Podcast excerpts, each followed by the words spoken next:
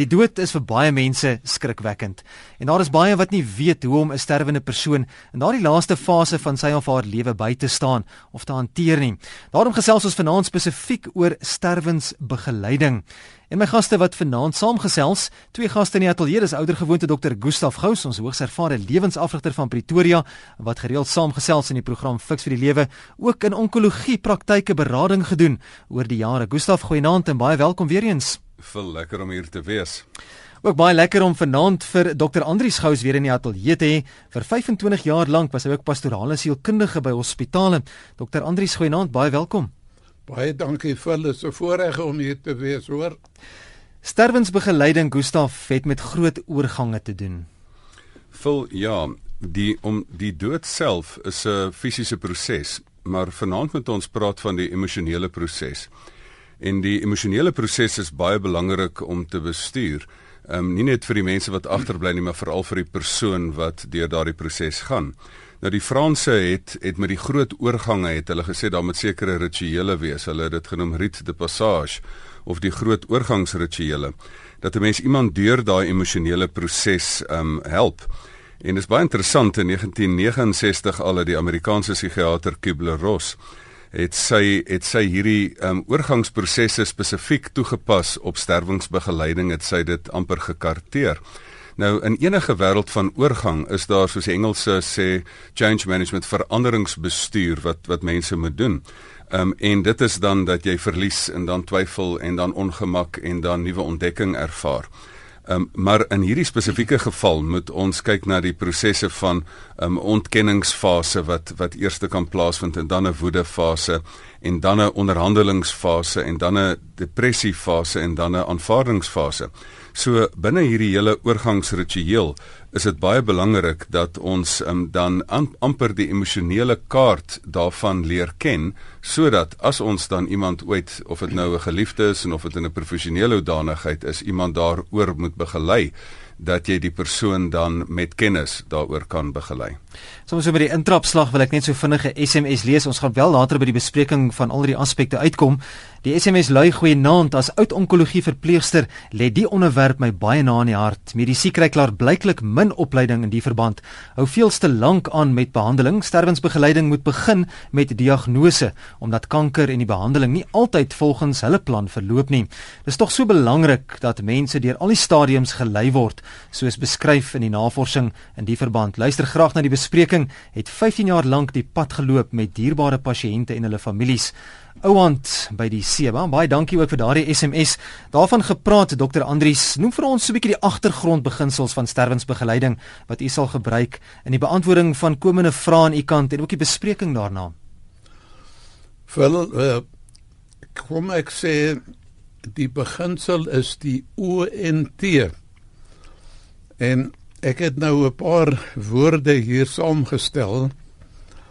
Ons moet die pasiënt of die sterwende persoon ontleed, nie analiseer nie, maar die leed uithaal. Ons moet daai persoon onteensaam. Ons moet die eensaamheid uithaal en by hulle wees. Ons moet daai persoon ontdood Met ander woorde vir hom sê maar eh, jy gaan nie dood nie, jy gaan eintlik nou lewe. Die koringkorrel moet eers doodgaan, dan lewe daar, dan's daar lewe daarna. Jy moet ook vir jou ontliggaam. Jy dink jou liggaam kry so seer en jy's bang daarvoor. Eintlik moet jy die liggaam vergeet en die geestelike moet jy onthou. En dan die laaste ons moet vir hulle sê hulle moet onthou vas. Hulle hou so vas aan die lewe. Hulle moet nie meer vashou nie, hulle moet gewillig word om te gaan. Nou teen hierdie agtergrond moet die sterwensbegeleier die sterwende persoon lei. Ek sal later meer daaroor praat ook 'n SMS ingekom sopas Gustaf van iemand wat sê ek moes sopas 'n verlore en eensame siel vir Jesus gegee het. Ek het haar sien sterf. Dit moet baie traumaties ook wees. Waarom is mense so ongemaklik Gustaf rondom die dood?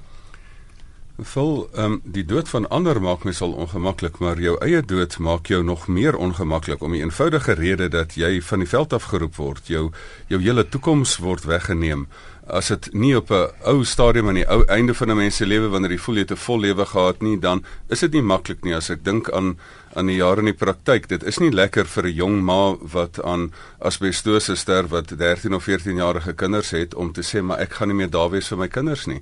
Ek dink nie ons het enigstens 'n begrip vir die vir die absolute leed vir iemand wat 'n geliefde het vir wie jy baie lief is en nog saam met daai persoon die lewe wil deel en en nou kan jy nie meer nie as jy nog daar wil wees vir jou kinders um, as jy nog soveel dinge wou gedoen het.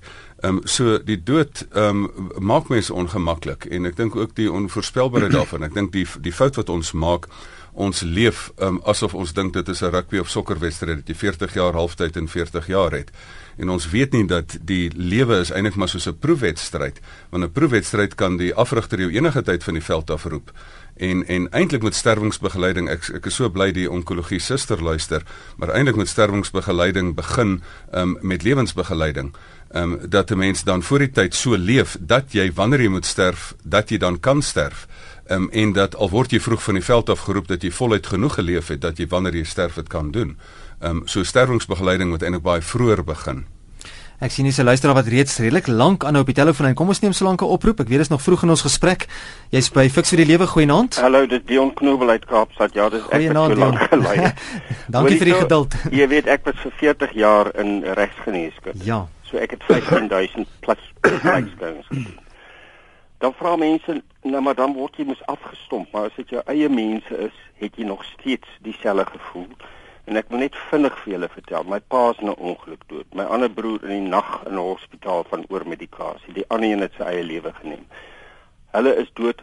Ek kon nie by hulle wees nie. Toe kom my ou moeder blind die laaste 2 jaar van haar lewe en ons bring haar na die Helen Keller in Pinelands. En ek kan haar elke middag gaan sien. En ek en sy het geweet as sy 89 is, is daar nie baie tyd oor nie. So ek het elke middag na werk vra gaan sien. Naweke was dit my suster.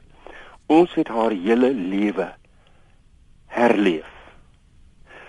En hulle bel my 5:00 die eendag en sê sy's in 'n koma en ek kom daar toe lê sy diep in 'n beswyming. Toe besluit ek ek gaan by haar wees. En ek sit my voete onder haar hande en ek sit langs die bed.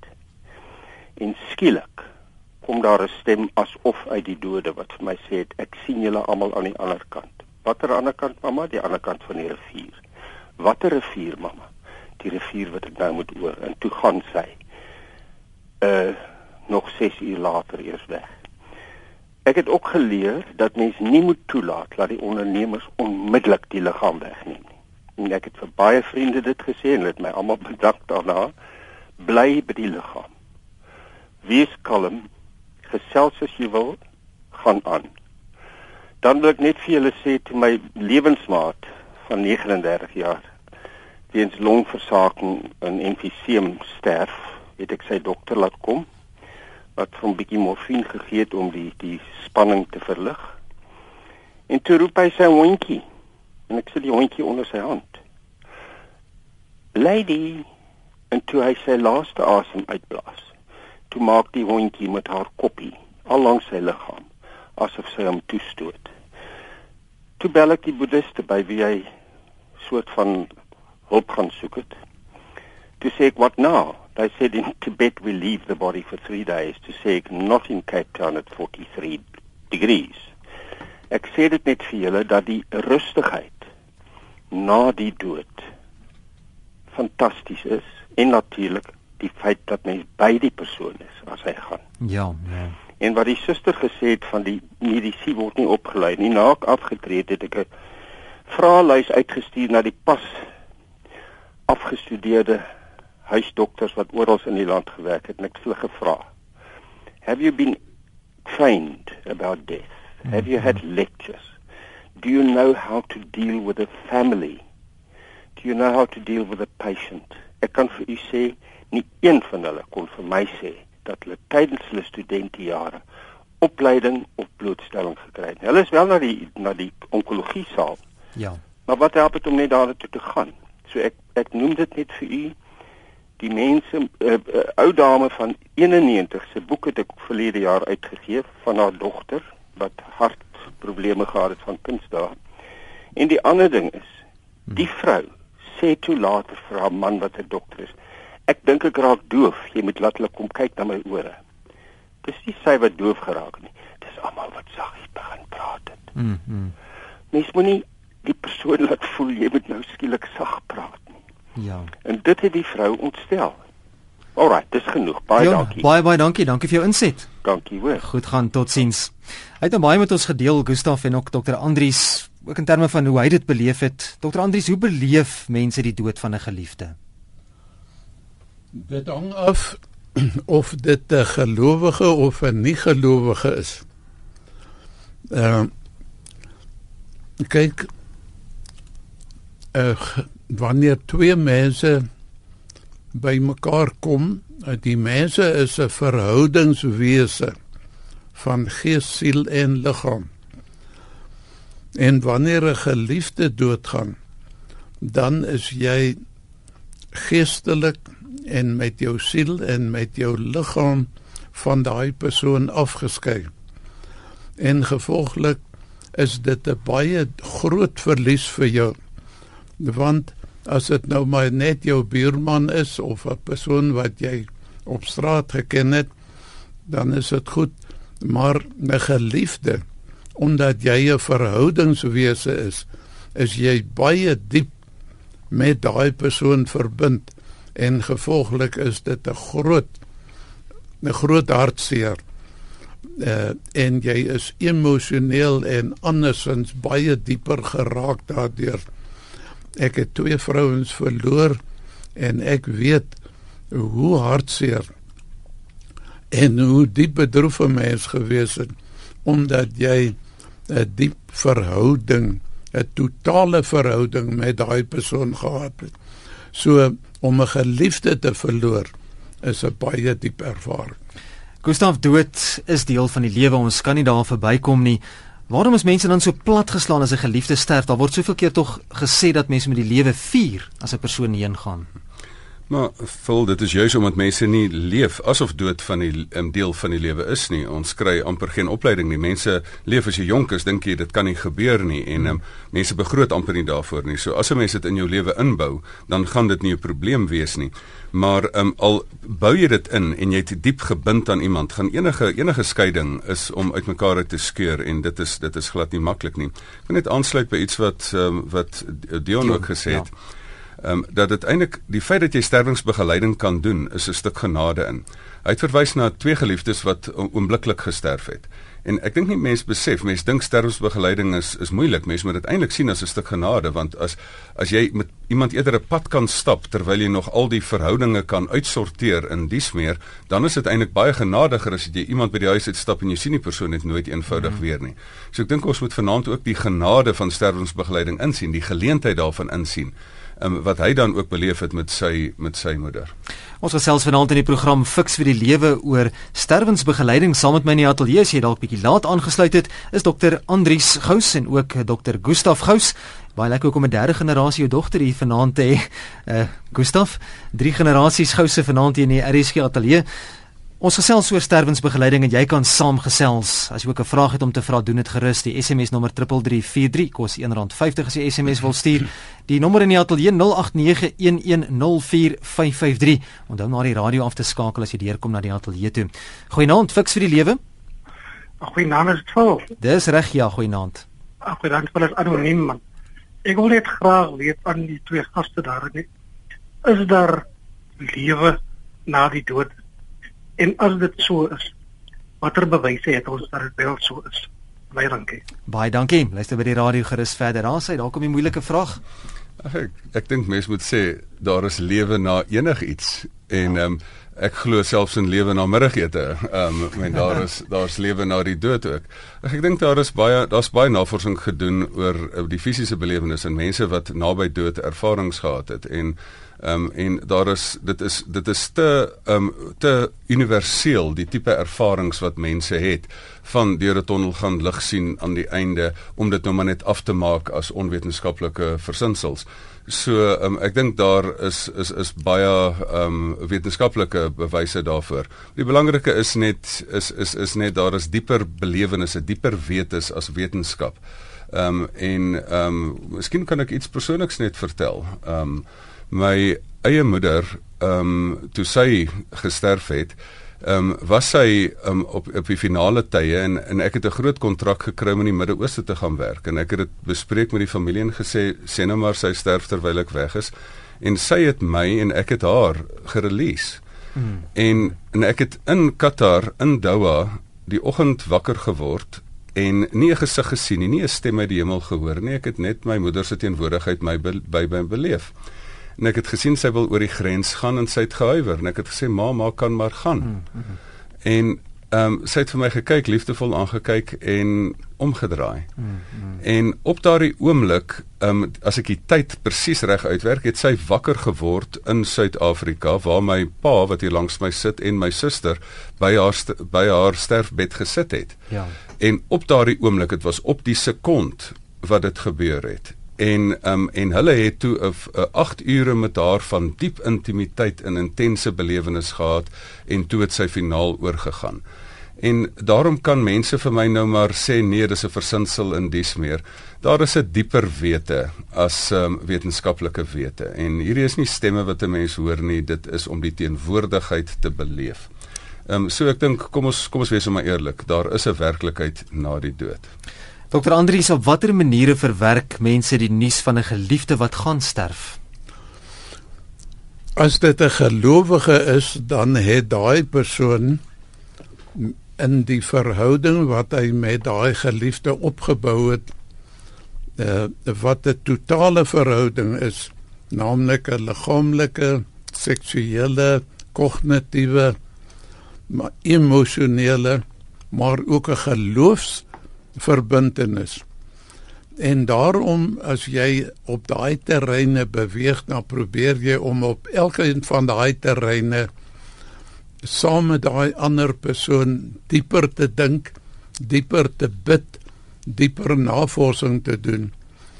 So 'n gelowige as sy of haar geliefde sterwe is dan voorberei daarop omdat dit een van hulle gesamentlike doelwitte was om op elke terrein diep by mekaar te wees en te vorder met wat hulle weet en voel.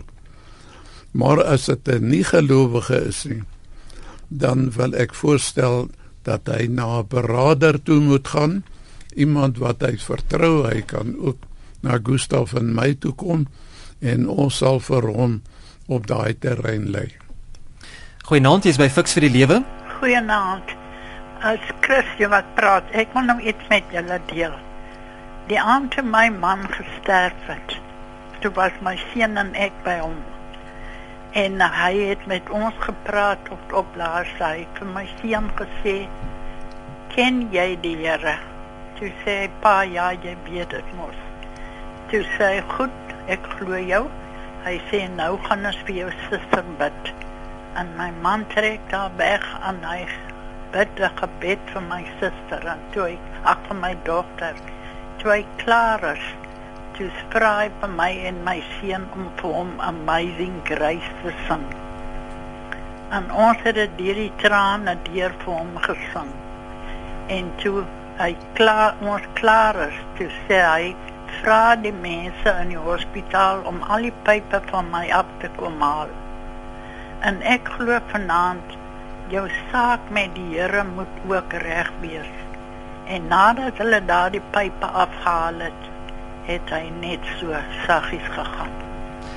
En ja. dis iets wat my altyd sal bybly. Mm. Die vrede. Ek, die vrede. Jy ja. moet vrede hê en jy moet aanvaar.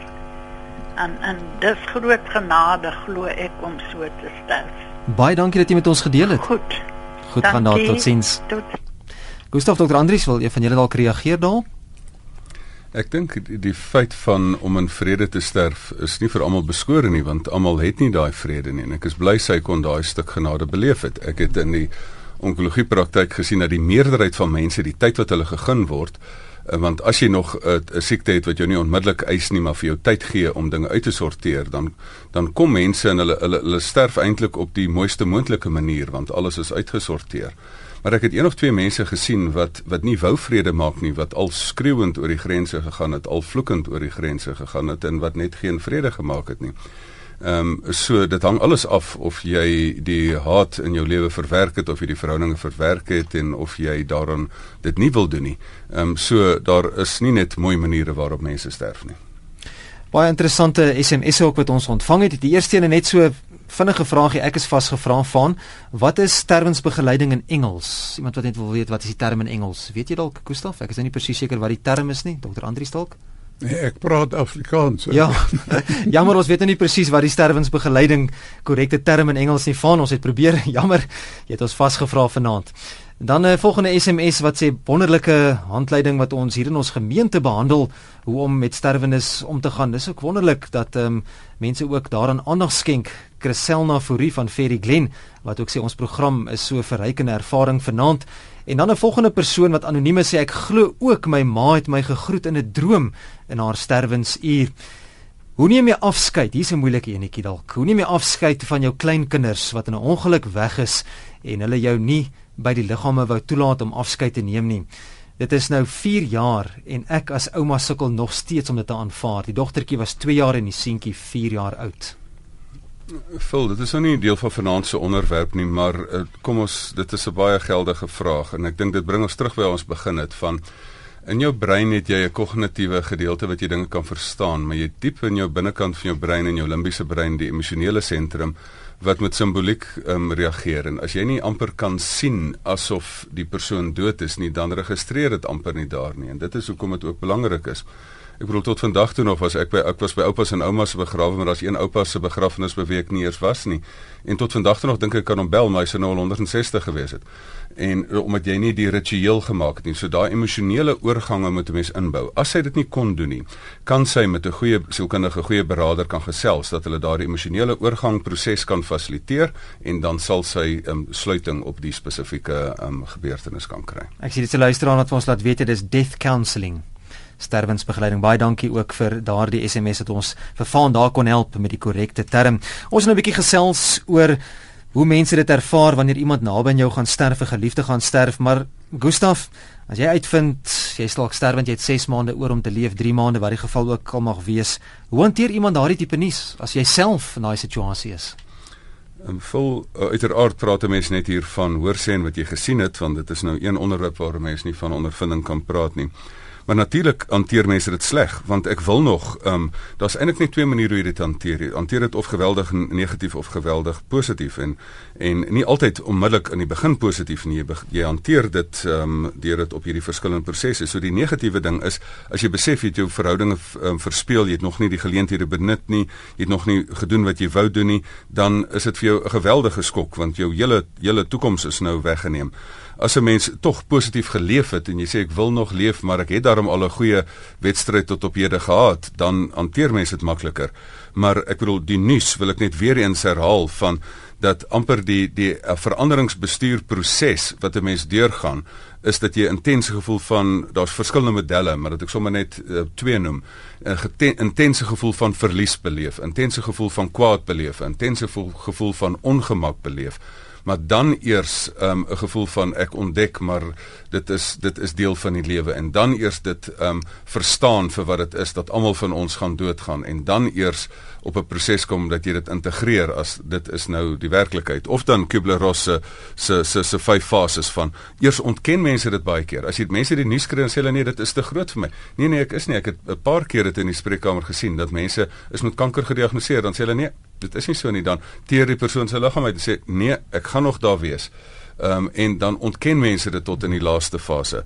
Maar dan ook die woede dat mense kwaad is vir hulle self en vir ander en vir God en hoekom ek en dit is nie regverdig nie en hoekom nie ander nie. En dan onderhandeling wat mense begin onderhandel en sê maar ehm um, Here as as as jy my genees dan gaan ek nou vir jou sendeling word en as jy nou dit doen dan dan begin mense nou allerhande onderhandelings daar voer. En dan dan skop dit eintlik in die depressie dan is dit die harde werklikheid slaan jou uh, tussen die oë en dan teen die einde is daar die aanvaardingsfase wat mense dan ingaan wat hulle dan vrede maak. So dit is dit is hoe hoe mense dit hanteer. Ehm um, en partykeer hak mense vas. Hulle gaan nie deur al die prosesse voor hulle sterf nie. Is ek geskakel by die program Fix vir die Lewe. Ons gesels vanaand oor sterwensbegeleiding. My gaste Dr. Gustaf Gous, ons lewensafrigter van Pretoria, ook in onkologie praktyke berading gedoen as ook saam met ons vanaand in die ateljee is Dr. Andrius Gous. Vir 25 jaar lank was hy ook 'n sielkundige by hospitale. Jy kan saamgesels 0891104553 of 'n SMS na 3343. E-pos deur middel van die webblad. Dis rsg.co.za. Het ook 'n SMS ingekom van Andrius Bodenstein wat sê my vroutjie is op 45 jarige ouderdom by hospitaal aan kanker oorlede op 14 Augustus 2014. Ek het vanmiddag weer vreeslik aan die huil gegaan. Ek is 66. Wanneer gaan ek ooit daaroor kom? Ek woon in Langebaan en die vakansietyd lê voor. Ek wil vir daardie persoon sê sy of hy of enige een wat huil moet aanhou huil. Hoe meer 'n mens uiting gee aan jou diep gevoel, hoe meer kan jy éventueel daai gevoel uh, ek wil nie sê ontslaa raak nie, maar jy verwerk dit wanneer jy huil. As jy dit onderdruk en hulle vir jou vra hoe gaan dit jy sê nee dit gaan goed dis nie goed nie. Jy moet uiting gee dis goed om aan enige uh, al is dit 'n onaangename emosie om uiting te gee. Dan kry jy dit uit jou uit en éventueel sal dit al minder en minder raak. So jy kan maar huil en uh, dit doen vir jou goed Ek sien 'n luisteraar wat nou redelik lank aangehou het. Nou is die liggie af. Jy kan gerus weer skakel. Ons gaan jou oproep hanteer. Ons um, gaan definitief by jou oproep uitkom. So wees maar net geduldig op die telefoonlyn. Ons ons nie onmiddellik die foonlyne antwoord nie. Ons sal verseker op jou oproep reageer. So wees maar geduldig. Hou so rukkie aan en en dan kan jy maar ehm um, gerus jou vraag vra of jou stelling maak. 0891104553. Dit is die nommer in die ateljee en ons gesels oor sterwensbegeleiding. Dr. Andrius, hoe begelei jy 'n dierbare wat die nuus gekry het dat hy of sy min tyd oor het om te lewe? Hier kom daardie twee woorde na vore om haar of sy vir hom te help ontleed en onteensaam. As jy 'n dierbare ken, dan weet jy wat is daai persoon se leed en kan jy dan met daai persoon praat en hom troos of vir haar troos. En veral omdat dit 'n dierbare is, kan jy dit beter doen want jy ken daai persoon se innerlike julle het mekaar baie lief gehad en weet wat bring leed en ongelukkigheid. Maar jy moet ook daai persoon onteensaam. Dit is om by daai persoon amper dag en nag te bly. Uh is baie goed. Uh, ek het by albei vrouens van my feitelik dag en nag gewaak en dit het vir hulle baie getroos om te weet al sit ek net daar en hou vas die hand of ek vrys haar voorkop of die wang en vir haar sê ek is by jou, ek is lief vir jou. So onthou die woorde om hulle te ontleed en te onteensaam. Mm. En jou dierbare, jy kan dit baie goed doen want jy ken daai persoon. Kom ons neem nou oproepe by Fix vir die Lewe 089 11045553. Goeienaand. Uh goeienaand, dis dit vol. Dis korrek, goeienaand, jy kan maar gesels. Uh dit is Lenet wat praat. Vol my man is op 13 Januarie oorlede. Dit is 5 weke nadat ons gehoor het hy het kanker. Hy wou dit nie aanvaar nie. Uh en hy het ook 'n mieloom kanker in sy rugmerg gehad wat na sy brein toe gesprei wat hom baie gou-gou deurmekaar gemaak het. Hy het egter die donderdag ehm um, 'n duidelike oomblik gekry waarin hy vir my gevra het ons moet bid en hy het gevra dat God hom volkome moet genees. Hy wou nie doodgaan nie. Hy het Vrydag in 'n koma ingegaan. Ou voor hy in die koma ingegaan ook gesê hy wil nie doodgaan nie. En ehm um, hy is Saterdag nag oorlede. Dit was my vreeslike groot voorreg geweest om by hom te wees om sy gesig te kon vashou tot hy sy asem uitblaas. Ek het sy ja. oë toe gedruk en als. Ehm um, ek het net besef daar dat om dood te gaan was vir my nie 'n kwessie van net 'n asem uitblaas nie. Dit is dit ek het die gevoel gekry van ehm um, om oor te gaan na 'n ander lewe toe. Ek kon net ja, graag weet of of jy reg was om dood te gaan want hy wou nie dood gaan of of of hy gereed was alhoewel hy dit nie of wou nie. Hy gereed hmm. was. Ja. Lenet gaan jy vir ons luister by die radio? Ek gaan by die radio luister baie dankie. Dankie, hoor. goed gaan totsiens. Goed, totsiens. Lenet ons sal nooit weet nie, maar dit is miskien nie die regte vraag nie. Ehm um, die die die die vraag is niemand van ons wil natuurlik doodgaan nie. As ek kan hoor dat jy vir hom lief was en hoekom sal 'n mens nou wil doodgaan as jy nog geliefdes het by jou huis? So natuurlik sal jy dit vir die Here wil vra.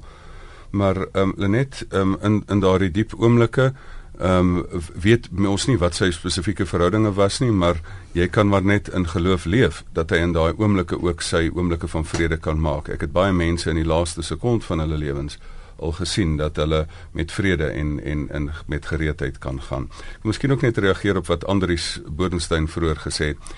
Wat wat hoe verwerk 'n mens dit Andrius? As 'n mens dit ook ook verder gaan is is jy sal soos soos um, my pa gesê het, Dr. Andrius gesê dat dat jy moet treur, maar jy moet ook die hele proses moet jy verder voer dat jy moet begin verwerk. Mens moet ehm um, verpak. Dit is 'n hoofstuk wat jy moet afsluit. Jy moet die fotoalbum maak. Mens moet die hele proses werk en en by 'n ander geleentheid het ons al daar gesels dat jy 'n jaar lange proses in jou lewe moet afkondig. Dat jy sê maar maar ek moet die klerekaste regpak en ek moet al daardie dinge doen en emosioneel moet 'n mens aanstap en hierdie proses moet 'n mens al is dit deur trane heen moet jy net vorentoe gaan en die volgende hoofstuk in jou lewe oopmaak. Ja, interessant hoekom ons praat van 'n jaarproses die wat dalk nie daai gesprek gehoor het vroeër nie. Gustaf, dis juist ook die verjaarsdag wat kom, die Kersfees, daai wat in wat in die jaar siklus plaasvind. Die persoon vroeër het ook gepraat van die vakansietyd is weer op hande en dan is weer nuwe rou emosies wat oopgekrap word, nê? Absoluut anders en dan moet jy jouself staal dat jy jou eerste Kersfees sonder haar gaan wees ja. en die eerste die eerste verjaarsdag en die eerste dit en dan die volgende Kersfees daarna gaan dit makliker word mm. en dit gaan nooit weggaan nie maar jy moet die die liefdevolle hoofstuk verpak En as jy nie 'n punt daar agter sit nie, dan dan gaan 'n mens nie aangaan nie. My eie pa wat hier reg langs my gesit het, het eendag vir my toe ek getreur het nie oor iemand wat dood is nie, maar iemand wat uit jou lewe uit verdwyn het. Hy het gesê Gustaf, um, jy sit nou soos 'n hondjie op um, sy baas se graf en jy gaan hier sterf, my broer. Ehm um, en hoekom krap jy in assies van die verlede van vure wat lankal dood is? Ehm um, jy moet aangaan en opstaan, anders gaan jy van koue sterf. En ek dink in in daardie opsig is dit deur trane heen. Jy gaan nie mooi verpak, maar jy moet jou nuwe hoofstuk in jou lewe oopmaak. Hoe moontlik is dit Gustaf om sterwensbegeleiding op jouself te doen? Vol dis dit moet moeilik wees. Ehm um, want hoe kan jy jouself nou nou nou begelei? So hmm. jy kan jouself eintlik nie jy het iemand nodig om jou deur daai prosesse te begelei. So in die, in die in die beginfase is dit belangrik dat mense dit dit vir jou moet doen. Maar weet jy niemand kan jou deur die poort van wat lewe kan jou deur die poort van die dood lei nie want hulle het nog nooit daai pad gestap nie. So in die finale instansie moet jy daai laaste oorgang moet jy moet jy maak. En daardie wat ek nou hou van is hierdie onthou vas moet jy finaal self leer om dit dit prys te gee. So jy kan dit nie self doen nie, maar raai wat, daai laaste tree sal jy self moet doen. Nou ja, al die liggies flikker tans in die ateljee baie van ons luisteraars wat wil saamgesels voordat ons uh, die volgende vragies hier vra. Kom ons neem nog so een of twee oproepe. Fiks vir die lewe goeienaand. Goeienaand. Ehm um, ek is Antoinette Malan. Ek is in 'n aftreeoord en uh, nou ja, ons het dis is 'n kerk aftreeoord. Ons het maandagooggende en donderdagooggende ons bid hier, een in Engels, dan in Afrikaans. En um, by elke biduur gaan hulle na al die name van die mense in die siekeboeg en in die hospitaal en hulle bid dat die Here hulle sal genees. En uh, dit dit is vir my moeilik om te aanvaar dat hierdie hierdie mense bid dat die Here die mense sal genees. Mm, dat mm. dat uh, dis vir my moeilik om om uh, jy weet om ja met mense met mense moet vrede hê met die dood. Ja, dis amper so 'n ritueel wat wat wat mense nou van 'n rotine verval om daai rympie op te sê, nê? Ja, as ek dit ja, so kan sê, ja. so kan stel. Mm. Baie dankie. Kom ons hoor wat sê Dr. Andrius daaroor. Baie dankie. Uh dit is baie belangrik dat daar so baie mense is wat bly bid en vir die Here vra om hulle te genees eerder as om te sê Here laat u wil geskied. As jy 'n diep gelowige is, dan sê jy Here ek weet u is almagtig, u kan my genees as u wil want toe u op aarde was het u baie mense genees. Maar dit is nie altyd die wil van die Here dat ek nou nog verder moet leef nie. Daar kom 'n tyd dat dit nou my tyd is om te gaan. So 'n mens moet eintlik vir die Here sê u wil geskied wat daai wil ook al is en daai wil is goed. Dr Andrius, wat is die uiteindelike doel van sterwensbegeleiding? Dis 'n baie belangrike vraag daai vul. Ek wil eerstens sê diegene wat sterwensbegeleiers wil word of gemaak word mens moet hulle kies daar's baie mense wat emosioneel nie baie diep is nie dit sal nie help om vir hulle uh sterwensbegeleiers te maak nie want hulle sal nooit begryp hoe voel daai persoon wat besig is om te sterf nie Ek sê altyd in my sielkundige berading vir mense, daar's mense wat 50 50 lewe, 50 as hulle sleg voel, 50 wanneer hulle goed doen. Nou hulle moet 'n mens nooit aanstel nie. Maar jy kry gelukkig mense wat 1000 goed en 1000 sleg voel. Dis daai mense wat jy moet aanstel. Ek persoonlik is so. En uh Uh, daarom as jy weet jy voel so diep dan kan jy simpatie en empatie hê met iemand wat ook sleg voel. Maar die doel van sterwensbegeleiding is is baie diep. Dit is 'n mediese begeleiding, dis 'n sielkundige begeleiding wat emosioneel en kognitief is. Maar dan is dit ook 'n pastorale uh begeleiding en dis waar die woord ontodood na vore kom.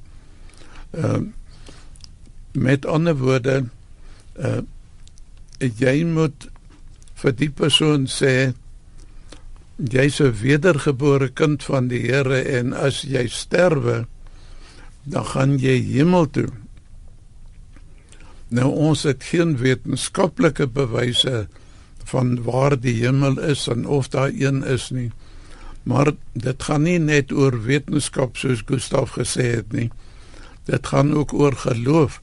En as ons mense nou na Hebreërs 11 vers 1 toe gaan wat geloof is, dan is dit 'n baie diep saak hierdie waar daar staan geloof is 'n vaste vertroue op die dinge wat jy hoop en 'n bewys van die dinge wat jy nie sien nie. So geloof wat anders is as die wetenskap hoop daarop dat daar 'n wonderlike lewe daar aan die ander kant is en dis 'n 'n bewys van die dinge wat jy nie sien nie.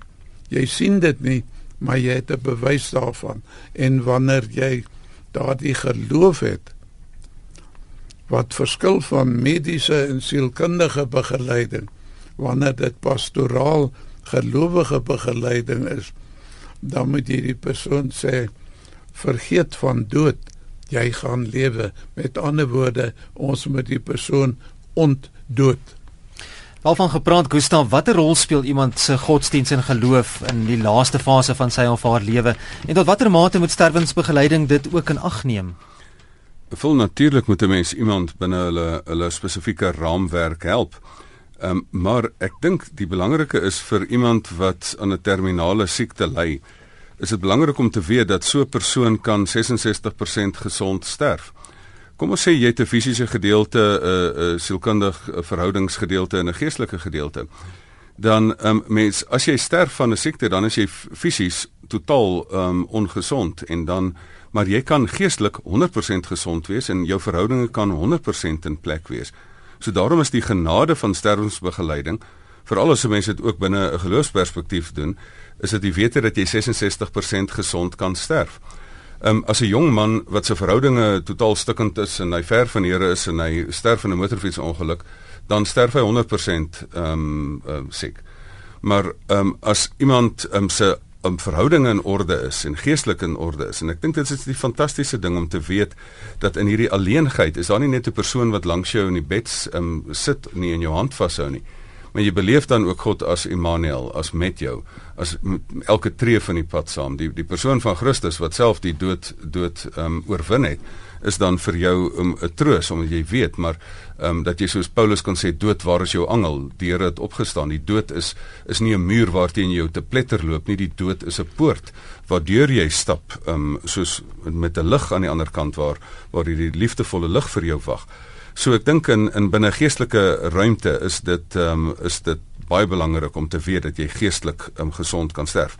Want in daai tyd sorteer jy verhoudinge uit en jy sorteer jou verhouding met die Here uit en jy sorteer jou verhouding verhoudinge met mense om jou uit en en jy verpak alles sodat jy in vrede kan gaan. Ons ons 'n paar minute se gesprek en geselsheid oor vanaand in die program Fix vir die Lewe. Terloops as jy wil sien hoe lyk Dr. Andrius Gous en Dr. Gustaf Gous gaan maak 'n draai op ons Facebook bladsy. Daar sou pas 'n mooi fotootjie opgelaai waar die twee uh, doktere, doktore hier in die ateljee sit. So gaan kyk gerus daar vir die fotootjie op ons Fix vir die Lewe Facebook bladsy en gelaai kom sommer ook. Kom ons neem oproepe. Ek sien al die liggies flikker. 'n Baie belangrike onderwerp wanneer ons gesels oor sterwensbegeleiding iets baie naby aan elke liewe een is 'n hart ook. Goeienaand, baie welkom. Hallo, goeienaand. Ek is Johan Potgieter van Pretoria, naam toe Manneries, naam Gustaf.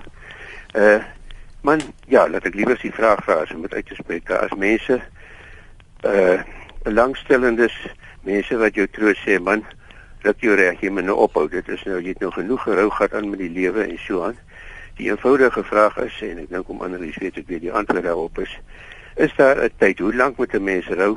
Wanneer moet 'n mens dan ophou? Wanneer is jy nou 'n sussie as jy aangaan? Ek dink dit is 'n belangrike onderwerp om vir mense te sê om te praat oor hierdie mense wat vir jou voorskryf.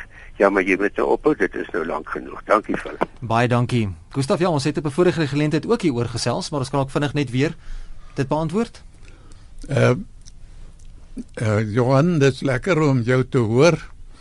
Uh, Jy's 'n ou vriend van my. Uh 'n mens kan aanhou rou. Ek weet in die ou dae toe ek 'n kind was, toe ek nog mooi en jonk was, nou is ek nog net mooi. Ehm um, het die mense so 'n swart band uh om hulle baadjie gedra uh, vir seker omtrent 'n jaar en die vrouens het swart rokke gedra.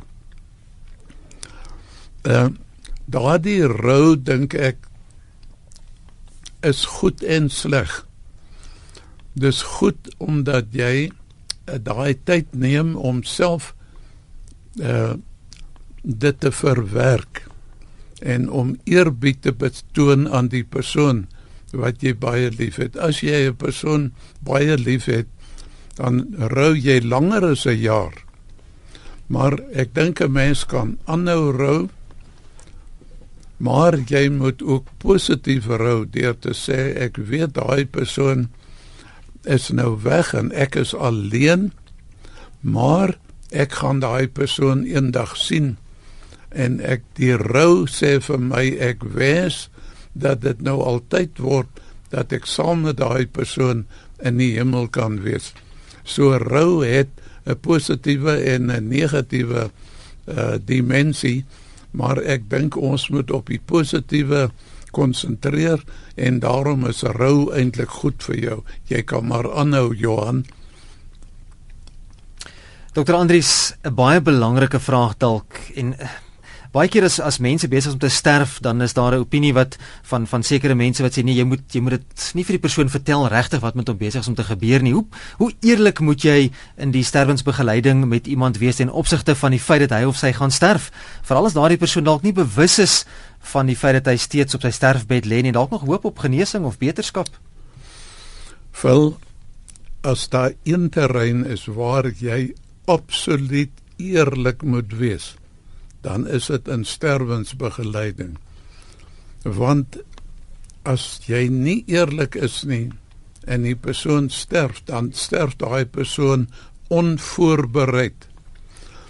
En jy moet alle dimensies aan daai persoon verduidelik, naamlik die spirituele, die mediese, die fisiese, uh die emosionele en al daai dimensies moet jy dan vir hom sê as jy besig is om te sterwe dan moet jy op hierdie terreine vir jou voorberei. En die persoon sal nooit voorberei wees as jy nie ten volle eerlik en oor al hierdie terreine met daai persoon gepraat het nie Die tyd is besig om ons blits vinnig in te haal. Gustaf, ek gaan nog so een uh, oproep neem en dan gaan ek vir jou vra om vir ons uh, vanaand se program dalk saam te vat. Fiks vir die lewe goeienaand. Goeienaand. Ehm um, dit is Sariana wat hier praat. Hallo Riana, ekskuus, ek wil net sommer gou vir jou sê ons tyd is baie ja, beperk ja, as jy dit kan kort hou. Ek gaan net gou vir julle vinnig ietsie lees baie wat 'n wysgeer, 'n uh, Oosterse wysgeer gesê het. Not forever can one enjoy stillness and peace. But misfortune and destruction are not final. When the grass has been burned by the fire of the steppe, it will grow anew in summer. Hmm. Baie interessant, baie dankie. Dankie. Mooi aan totsiens. Gustav, as jy dalk daar wil reageer en dan miskien ook ons gesprek vanaand saam saamvat van jou kant af.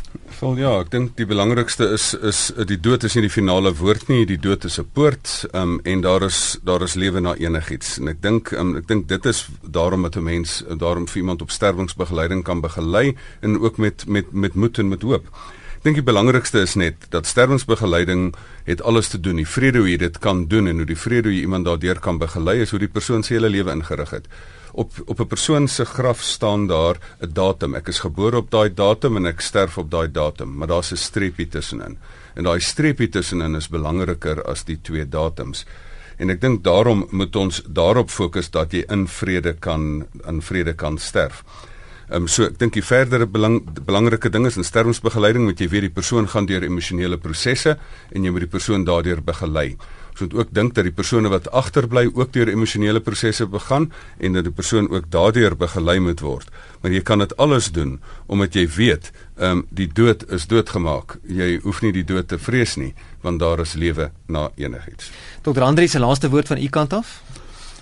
Vol ek wil net sê as daar een terrein is waar 'n mens iemand kan onteensaam en waar jy in 'n verhouding kan staan in 'n volledige verhouding dan is dit in die terrein op die tydperk en op die terrein van sterwe. Dit is daai tyd wat 'n mens se warme opregtheid, 'n totale begrypende uh by mekaar wees uh wil belewe en kan belewe wat jy nooit ander eh, tye en uh periodes in jou verhouding met mense belewe nie. Maar hier is die toppunt die diepste die hoogste en die diepste die warmste en die mees opregte wanneer twee mense bymekaar kan wees om vir mekaar hier in hierdie tyd by te staan en vir mekaar lief te hê So kom ons dan aan die einde van vanaand se program Fix die lewe soveel meer wat ons nog kon gesels het oor die onderwerp sterwensbegeleiding. Gaan maak gerus 'n draai op ons Facebook bladsy. Mense kan altyd die gesprek daar ook verder voer. Daar is ons nie beperk tot net die omtrent 45 minute wat ons vanaand gehad het nie. Dis Fix vir die lewe, dis die Facebook bladsy. Gaan maak gerus daar 'n draai, gaan like ook die bladsy en gesels so verder met ons. Dr. Gustaf, waar kan mense vir jou kontak? Hulle kan my kontak by gustaf@gustafgous.co.za. En dan kan mens verder gesels. Ek wil net 'n laaste woord sê.